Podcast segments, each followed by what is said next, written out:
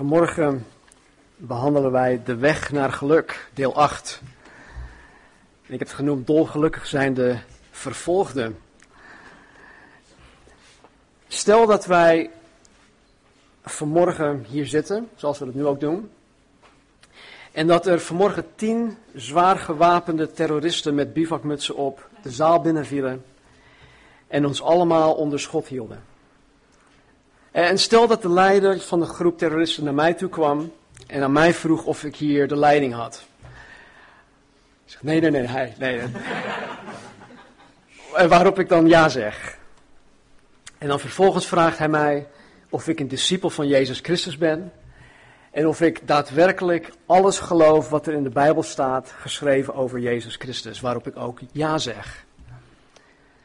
En plotseling, zonder mij iets te zeggen of te vragen of te doen, schiet hij een aantal kogels, boom, door mijn hoofd heen en ik val hier neer, dood op de grond.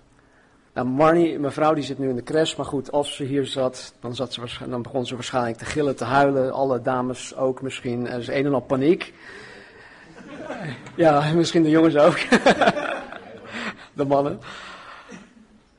Maar vervolgens richt dezezelfde man die mij net doodgeschoten heeft tot jullie. En dan zegt hij, als jullie willen blijven leven, dan moet je nu je geloof in Jezus Christus ontkennen. Dan moet je nu Jezus Christus verloochenen. Als je Jezus Christus in je geloof in Hem ontkent, als je geloof in Christus verlogent, dan mag je nu gewoon gerust je spullen pakken, naar de auto toe gaan en je bent vrij om te gaan. Maar dan zegt hij dit erbij. Maar weet wel dat door Jezus te verloochenen, door deze zaal te verlaten, bewijs je daarmee dat je geen echte christen bent. Maar jullie die blijven, jullie die beweren een echte christen te zijn, jullie zullen net zoals die kleine die daar op de grond ligt, zometeen gedood worden. Nou, weet je, dit scenario dat omschrijft uh, een concreet, denk ik, en een doeltreffende manier om er echt achter te komen of je daadwerkelijk christen bent of niet. Het is geen fijne manier, uh, maar het is wel doeltreffend. Ik zou zelf geen betere manier kunnen bedenken. Nou, dat bedoel, ik bedoel meer doeltreffend. Ik, ik zou dat niet willen, ik, ik wens dat niemand toe, maar oké, dan misschien kwam het, kwam het er verkeerd uit. Maar weet je, alhoewel het voor velen, uh, voor velen van ons uh, dit nooit zou gebeuren, alhoewel het voor velen voor ons wel het geval is geweest, en in sommige landen nog steeds, uh, zullen wij ja, dit soort vervolging meest waarschijnlijk nooit in ons leven meemaken. Nou, er zijn gelukkig ook andere manieren om erachter te komen of we wel of geen christen zijn die net zo doeltreffend zijn uh, als, als deze. Dus ik, ik, wens niemand dit toe nogmaals, voor alle duidelijkheid. ja, de beste toets, in, in mijn beleving, is het toepassen van de, de toetssteen van Gods woord, de Bijbel. Als je wil weten of je een echte christen bent, dan moet je jezelf bekijken in de spiegel van Gods woord, de Bijbel. Nou, we hebben inmiddels tien zondagen besteed aan de zaligsprekingen van Jezus. En aan al deze zaligsprekingen kunnen wij voor onszelf bepalen of wij wel of geen echte christen zijn. Eh, daarom heeft Jezus het ook gegeven. Het is een soort profielschets van de christen. Want weet je, in, in tegenstelling tot de gave van de geest, de charismata, wat we in 1 Korinthe 12 tot met 14 lezen, eh, de gaven verschillen per persoon. Er staat ook zelfs dat de Heilige Geest bepaalt aan wie hij welke gave geeft. Dus de een kan die gave hebben, de ander weer, weer die. Niet iedereen heeft allemaal één, of niet, niet iedereen heeft alle gaven. Maar wat deze karaktereigenschappen betreft, die hier in de zaligsprekingen omschreven wordt, die, die behoren tot elke christen. Elke christen hoort deze, deze karaktereigenschappen te hebben. Het is niet zo dat, dat één christen arm van geest is, en andere christen weer rein van hart, en weer de andere hongerig en dorstig naar gerechtigheid, enzovoort, enzovoort. Nee, Iedere christen is in zekere mate al deze dingen die die hier in Matthäus hoofdstuk 5 omschreven wordt. En ja, natuurlijk kan de een meer zachtmoedig zijn en de ander weer meer barmhartig zijn. Maar elke christen is in zekere mate zachtmoedig of barmhartig. En als je dat nog niet bent, dan is het Gods, Gods verlangen, Gods wens dat wij daar naartoe groeien. Want het is inderdaad ook iets waarin de christen groeit. Ik, ik groei in mijn zachtmoedigheid. Ik groei in mijn barmhartigheid. Ik groei in het arm zijn van geest. Ik groei in de reinheid van hart. Ik ben vandaag de dag veel meer zachtmoedig dan tien jaar geleden. Ik ben vandaag veel meer barmhartig dan vijf jaar geleden, dan twintig jaar geleden.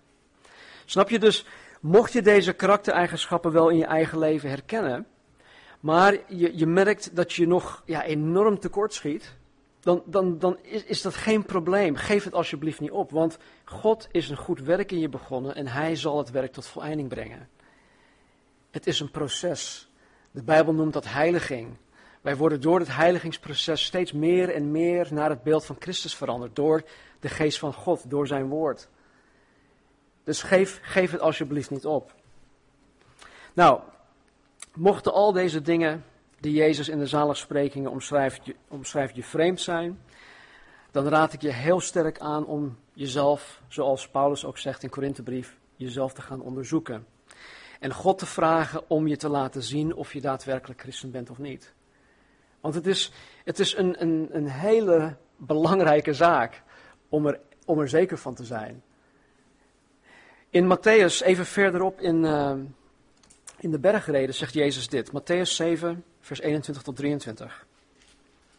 En we lezen hier vanuit de herziene statenvertaling. Jezus zegt, niet alle mensen die heren tegen mij zeggen, komen in het hemels koninkrijk. Want daar komt u alleen als u doet wat mijn hemelse vader wil. Op de dag van het grote oordeel zullen velen tegen mij zeggen, heren, we hebben in uw naam gesproken. Heren, we hebben uw naam gebruikt om duivelse geesten te verjagen en wonderen te doen. Maar ik zal hun antwoorden: U hebt nooit bij mij gehoord. Ga weg. U bent slecht en hebt alleen maar uw eigen zin gedaan. Dit is trouwens uit het boek, niet uit de herziene statenvertaling. Het is dus, ja, ik zei het, heel belangrijk, uh, levensbelangrijk. Het is eigenlijk eeuwig levensbelangrijk om zeker te weten of je een echte christen bent of niet.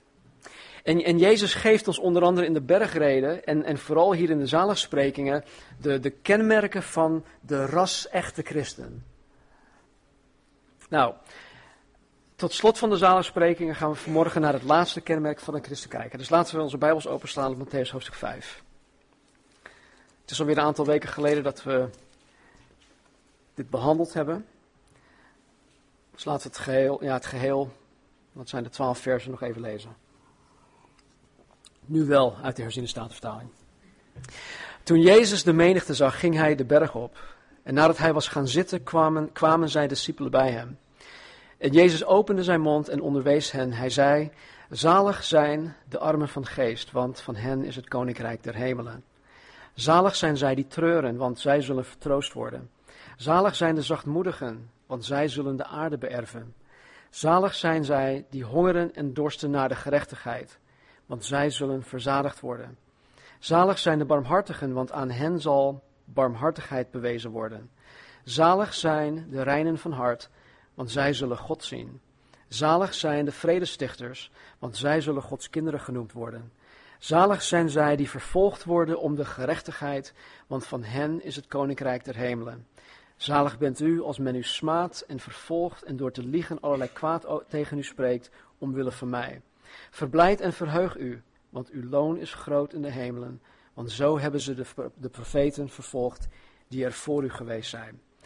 Nou, we pakken het vanmorgen dus op in vers 10, waarin Jezus zegt, zalig zijn zij die vervolgd worden om de gerechtigheid, want van hen is het koninkrijk der hemelen. Nogmaals, even terug te blikken. Het is Gods bedoeling voor de christen om zalig te zijn. En zalig betekent gelukkig. Het betekent zelfs dolgelukkig. Het is niet Gods bedoeling dat hij een soort van buzzkill is of een killjoy, hè, dat hij je, je vreugde wil uh, beroven. Nee, God wil dat wij gelukkig zijn. God wil dat zijn kinderen dolgelukkig zijn. En hier in de, in de, in de laatste zaligspreking bereidt Jezus zijn discipelen en, en ons voor op wat wij als ras-echte christenen in deze wereld kunnen en moeten verwachten. Jezus zegt, zalig zijn zij, dus gelukkig zijn zij, dolgelukkig zijn zij, die vervolgd worden om de gerechtigheid. Nou, gerechtigheid betekent hier hetzelfde als rechtvaardigheid. En gerechtigheid is in eerste instantie een kwaliteit of een karaktereigenschap van God. God is volkomen rechtvaardig. Alles wat God doet en denkt is goed, het is juist, het is recht. God en God alleen is volkomen rechtvaardig. Maar ik ben als christen ook rechtvaardig. De Bijbel leert ons dat door het volmaakt werk aan het kruis ben ik als christen zijnde volkomen rechtvaardig. Positioneel ben ik dus 100% rechtvaardig. In de praktijk zie ik mezelf niet, niet als zodanig. Jullie, jullie ook niet. Maar positioneel, vanuit, door de bril van Jezus Christus, ziet God mij als 100% rechtvaardig. En omdat ik dat ben, is het een natuurlijk gevolg dat ik ook rechtvaardig zal gaan denken, dat ik rechtvaardig zal gaan handelen. En, en dat is dat heiligingsproces. God bewerkstelligt dat in mij, in ons. Hij zal ons meer en meer rechtvaardig doen denken en, en zijn en handelen. En hoe meer ik mezelf onderwerp aan de heerschappij van Jezus, waar we vanmorgen ook hebben over gezongen, regeer in mij, God regeert, hoe meer ik mezelf daaraan onderwerp, hoe meer ik op Hem zal gaan lijken, hoe meer ik zo, uh, zoals Hem zal zijn in mijn denken en in mijn doen en laten. Alleen is het zo, en dit hebben jullie vast wel ontdekt inmiddels. Het is zo dat het rechtvaardig zijn in je denken en in je doen en laten niet door de wereld gewaardeerd wordt. Ik heb door de jaren heen, uh, zowel in de States als hier, het voorrecht gehad om in verschillende banen met zowel uh, laag als hoger opgeleide mensen te werken. En een van de dingen die mij hier in Nederland opviel, op de werkplaats, is dat zowel, ja, dit klinkt misschien wel raar, maar zowel de laag als de hoogopgeleide mensen, vooral de mannen, het heel vaak over seks hebben. Ik weet niet of dat, dat jullie ervaring is. Maar bijna elke dag hebben de mannen het onderling over seks. Nou, even om een voorbeeld te noemen. Ik, ik zat een keer de hele dag, en dat wens ik ook niemand toe, maar gewoon de hele dag in een vergadering. En dan is het zo'n vergadering waar, waar, waarin de, of waarbij de, de lunch ook gewoon geserveerd wordt in de vergaderzaal. Nou, tijdens de lunch werd er over alles nog wat eh, gesproken. En ja, voordat ik het wist, uh, wendde het, ja, het gesprek ineens of we kregen een andere wending en de een riep wat over seks en de andere riep weer over een eh, ervaring en die met een vrouw had gehad. Nou, dat, dat ging, dat ging in, ja, in, in, een, in een mom van tijd gebeurde dat. En vervolgens kwamen er vragen aan deze man over zijn ervaring. En, en, man, en verschillende mannen begonnen ja, allerlei funzige opmerkingen te maken. En er was ook één vrouw bij, onze office manager. En voordat ik het wist, voordat ik het wist begonnen dezezelfde mannen deze vrouwelijke office manager bij dit gesprek te betrekken. Ze stelden haar, ja, in, in mijn mening, heel veel ongepaste vragen. Maakte ook heel veel ongepaste opmerkingen. En ik, ik kon niet geloven dat, dat dit gebeurde. Maar goed, toen ik daar iets over zei, kreeg ik ja, een en al negatief commentaar over me heen van deze mannelijke collega's. En ja, ze zeiden dingen tegen mij die ik eigenlijk niet hier kan herhalen. nou, mijn punt is dit. Toen ik op dat moment voor die vrouw opkwam, geloof ik oprecht dat ik in de gerechtigheid handelde. Want ik geloof niet dat als Jezus daar was, in levende lijven, dat hij dit zomaar zou laten gaan. Hij zou ook opgekomen zijn voor deze vrouw. Nou, omdat zij dan voor mij wisten dat ik christen ben, legde zij die link tussen mijn verdediging van de vrouw en het christen zijn. En vanaf dat moment paste ik niet meer in het team. Wat nog meer triest was, was dat deze vrouw niet begreep waar ik het over had. Ze was blijkbaar zo uh, gewend geraakt aan dit soort opmerkingen van mannen, dat ze daar ja, eigenlijk niet, niets, niets mis aan, aan, aan, aan merkte of, of zag. Ze vond het gewoon normaal. Maar goed, dat is een heel ander verhaal. Ik garandeer je dat wanneer je de zondige motivaties en het zondige gedrag van mensen aan de kaak stelt, je ervoor vervolgd zal gaan worden. Het wordt je niet in dank afgenomen. Mensen zullen het je kwalijk nemen en ze zullen je vervolgens slecht gaan behandelen. Dat is echt zo. Jezus zegt, zalig zijn zij die vervolgd worden om de gerechtigheid.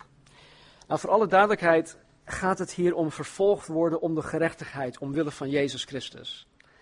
Dit betekent dus niet dat wanneer ik mezelf misdraag, als ik Jezus niet juist vertegenwoordig, en mensen mij dan ja, daarop aanspreken, dat ik kan zeggen van, oh, prijs de Heer, ik word omwille van Jezus, word ik nu vervolgd. En want stel dat ik om zeven uur s morgens in de bus zit, of in de trein, en ik sta op van mijn plaats en ik begin ineens hardop tegen de mensen te zeggen dat ze allemaal naar de hel gaan tenzij ze in Jezus Christus gaan geloven. Nou, ik weet zeker dat als ik dat, als de Heilige Geest mij, daar niet toe leidt, en dat, dat zal hij waarschijnlijk ook niet doen, dat ik binnen no time dringend verzocht word door de mensen om me heen om alsjeblieft mijn hoofd te houden en weer te gaan zitten. En, en, dan kan ik wel roepen van, oh prijs de Heer, ik word vervolgd. Nee, dan word ik simpelweg vervolgd omdat ik op zo'n moment gewoon uh, idioot aan het doen ben. En, en, en niet echt ja, volgens Jezus in de rechtvaardigheid of in de gerechtigheid aan het handelen ben.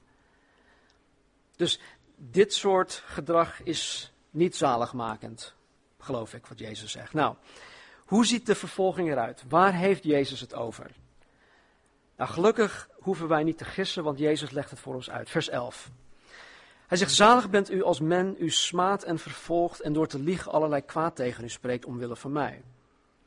Nou, de vervolging waar Jezus het over heeft, uit zich vooral in het smaden.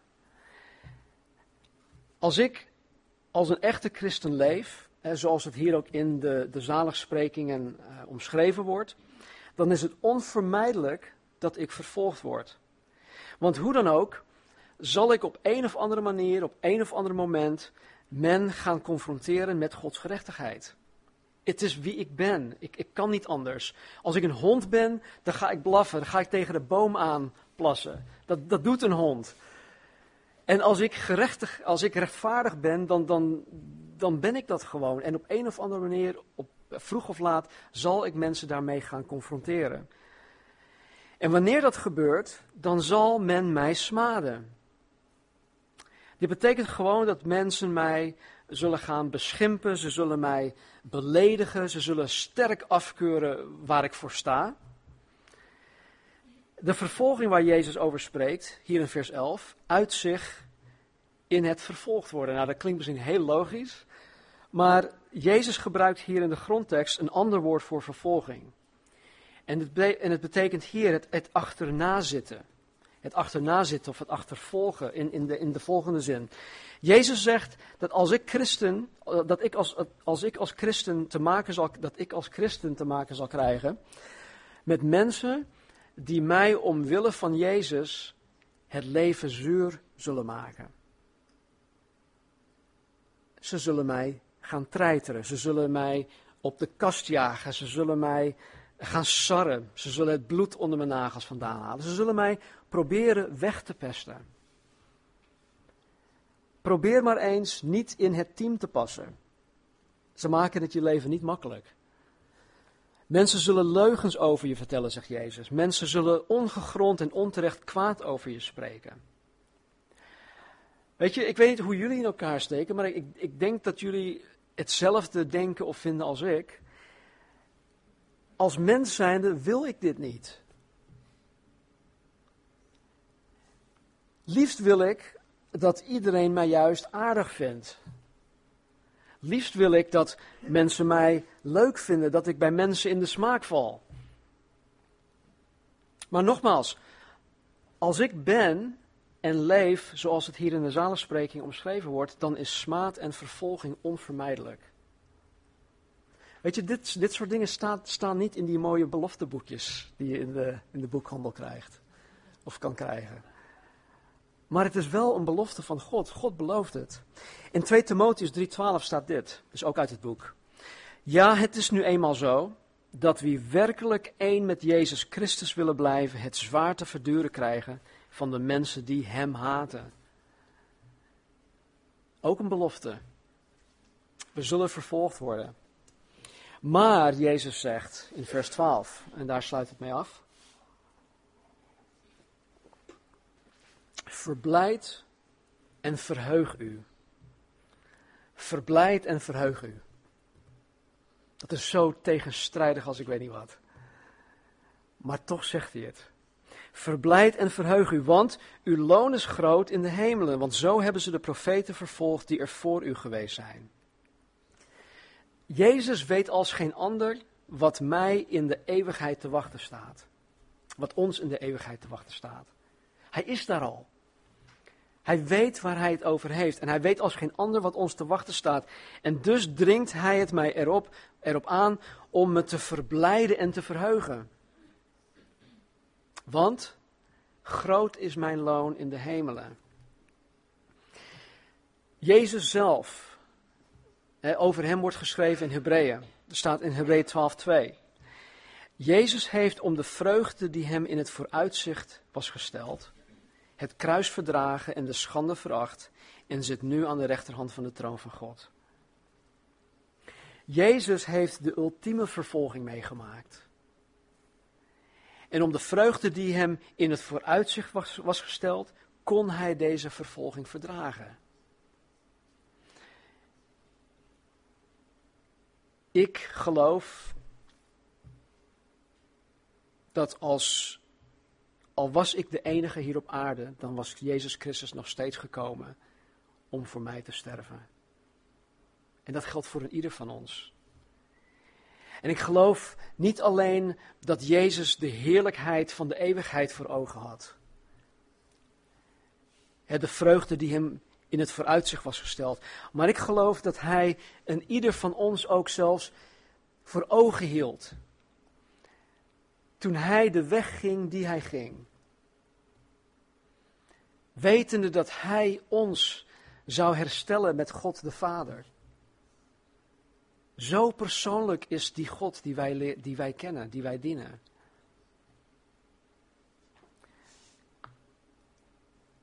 Jezus zegt ook in Johannes 15, vers 20 tegen zijn discipelen, hij zegt, als zij mij vervolgd hebben, zullen zij ook u vervolgen.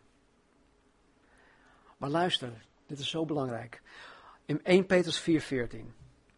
Als u smaad wordt aangedaan om de naam van Christus, dan bent u zalig.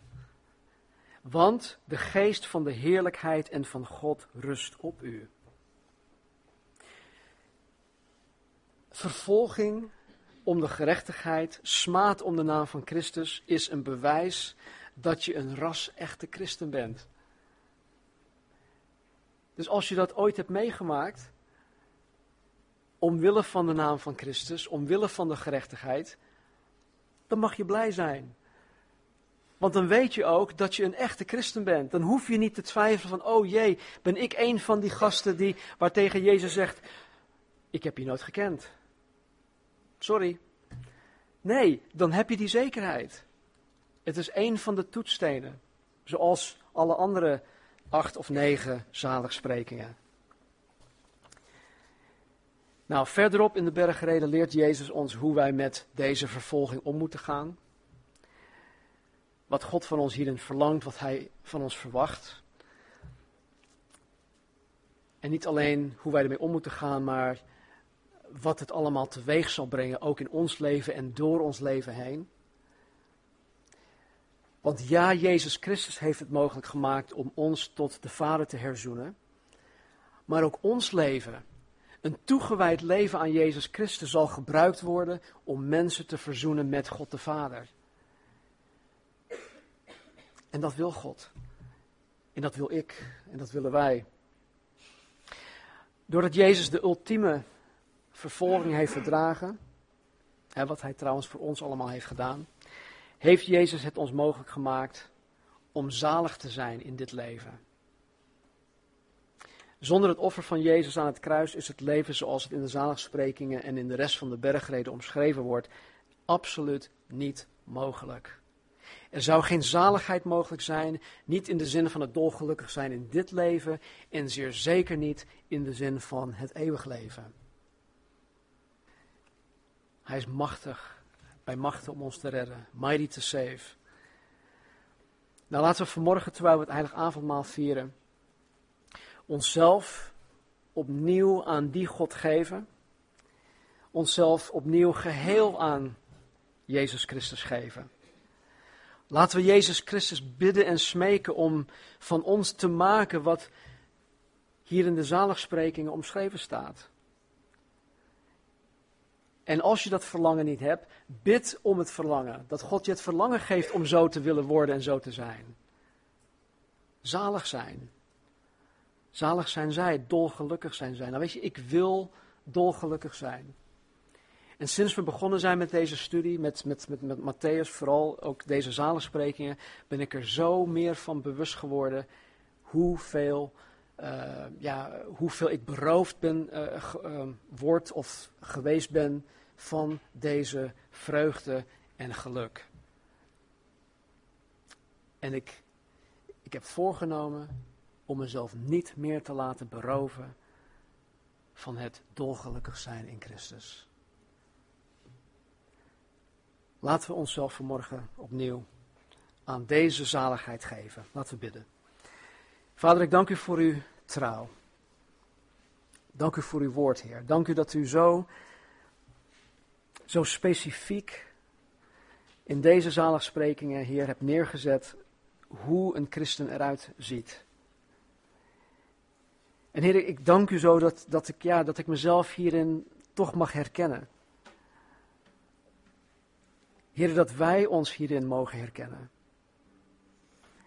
En Heer, ondanks dat wij hierin tekortschieten, ondanks dat wij hierin falen, weten wij, Heer, wij weten dat U die een goed werk in ons begonnen bent, het tot voleinding zal brengen, tot de dag van Jezus Christus. U maakt uw dingen af, Heer, U maakt uw werk af. U geeft het nooit op. Help ons vanmorgen, Heer, ook, om, om het ook niet op te geven. Heer, misschien zijn er sommigen van ons zo belast en bezwaard. Omdat we van onszelf denken dat we zo enorm tekortschieten. Omdat we in ons eigen ogen of misschien in de ogen van anderen, Heer, gefaald hebben. Heer, uw genade is voor ons genoeg. En Heer, in uw genade en door uw genade mogen wij te alle tijden weer tot u komen. Uw deur staat altijd wagenwijd open. Dus Heer, waar wij in gefaald hebben, waar wij in tekortschieten, Vader, vergeef het ons alstublieft. Maak ons in onze eigen gedachten, Heer, in ons eigen zelfbeeld, weer witter dan de sneeuw. Want Heer, u ziet ons al zo.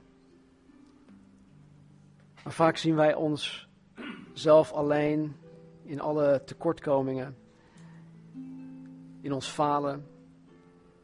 De Satan, heren, ja, die, die tracht ons eronder uit te halen. Die beschuldigt ons. Die legt schuldgevoelens op ons. Maar Heer, u staat hier vanmorgen in ons midden om tot u te komen om wederom vergeving te vinden. Herstel. Dus help ons, Heer. Kom onze zwakheden tegemoet. En zegen ieder van ons. En terwijl we het heilige avondmaal straks nemen, geef ons vanmorgen gewoon een frisse start. Help ons vanmorgen om met een schone lei te beginnen. Dank u wel. In Jezus' naam. Amen. Wij gaan zo meteen het heilig avondmaal tot ons nemen. Uh, het worshipteam die gaat voor in een aantal liederen. Ik stel voor dat je gewoon vanuit je eigen plek met God in gesprek gaat. Als er dingen zijn waarvoor je, ja, waarvoor je gebed nodig hebt. Of als je zegt van nou joh, ik moet dingen rechtzetten met God. Doe dat vanuit je eigen plek. En wanneer je er klaar voor bent, kom naar voren toe, neem de elementen.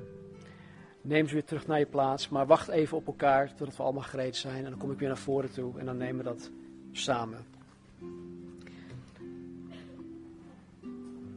God is een genade, of een God van genade.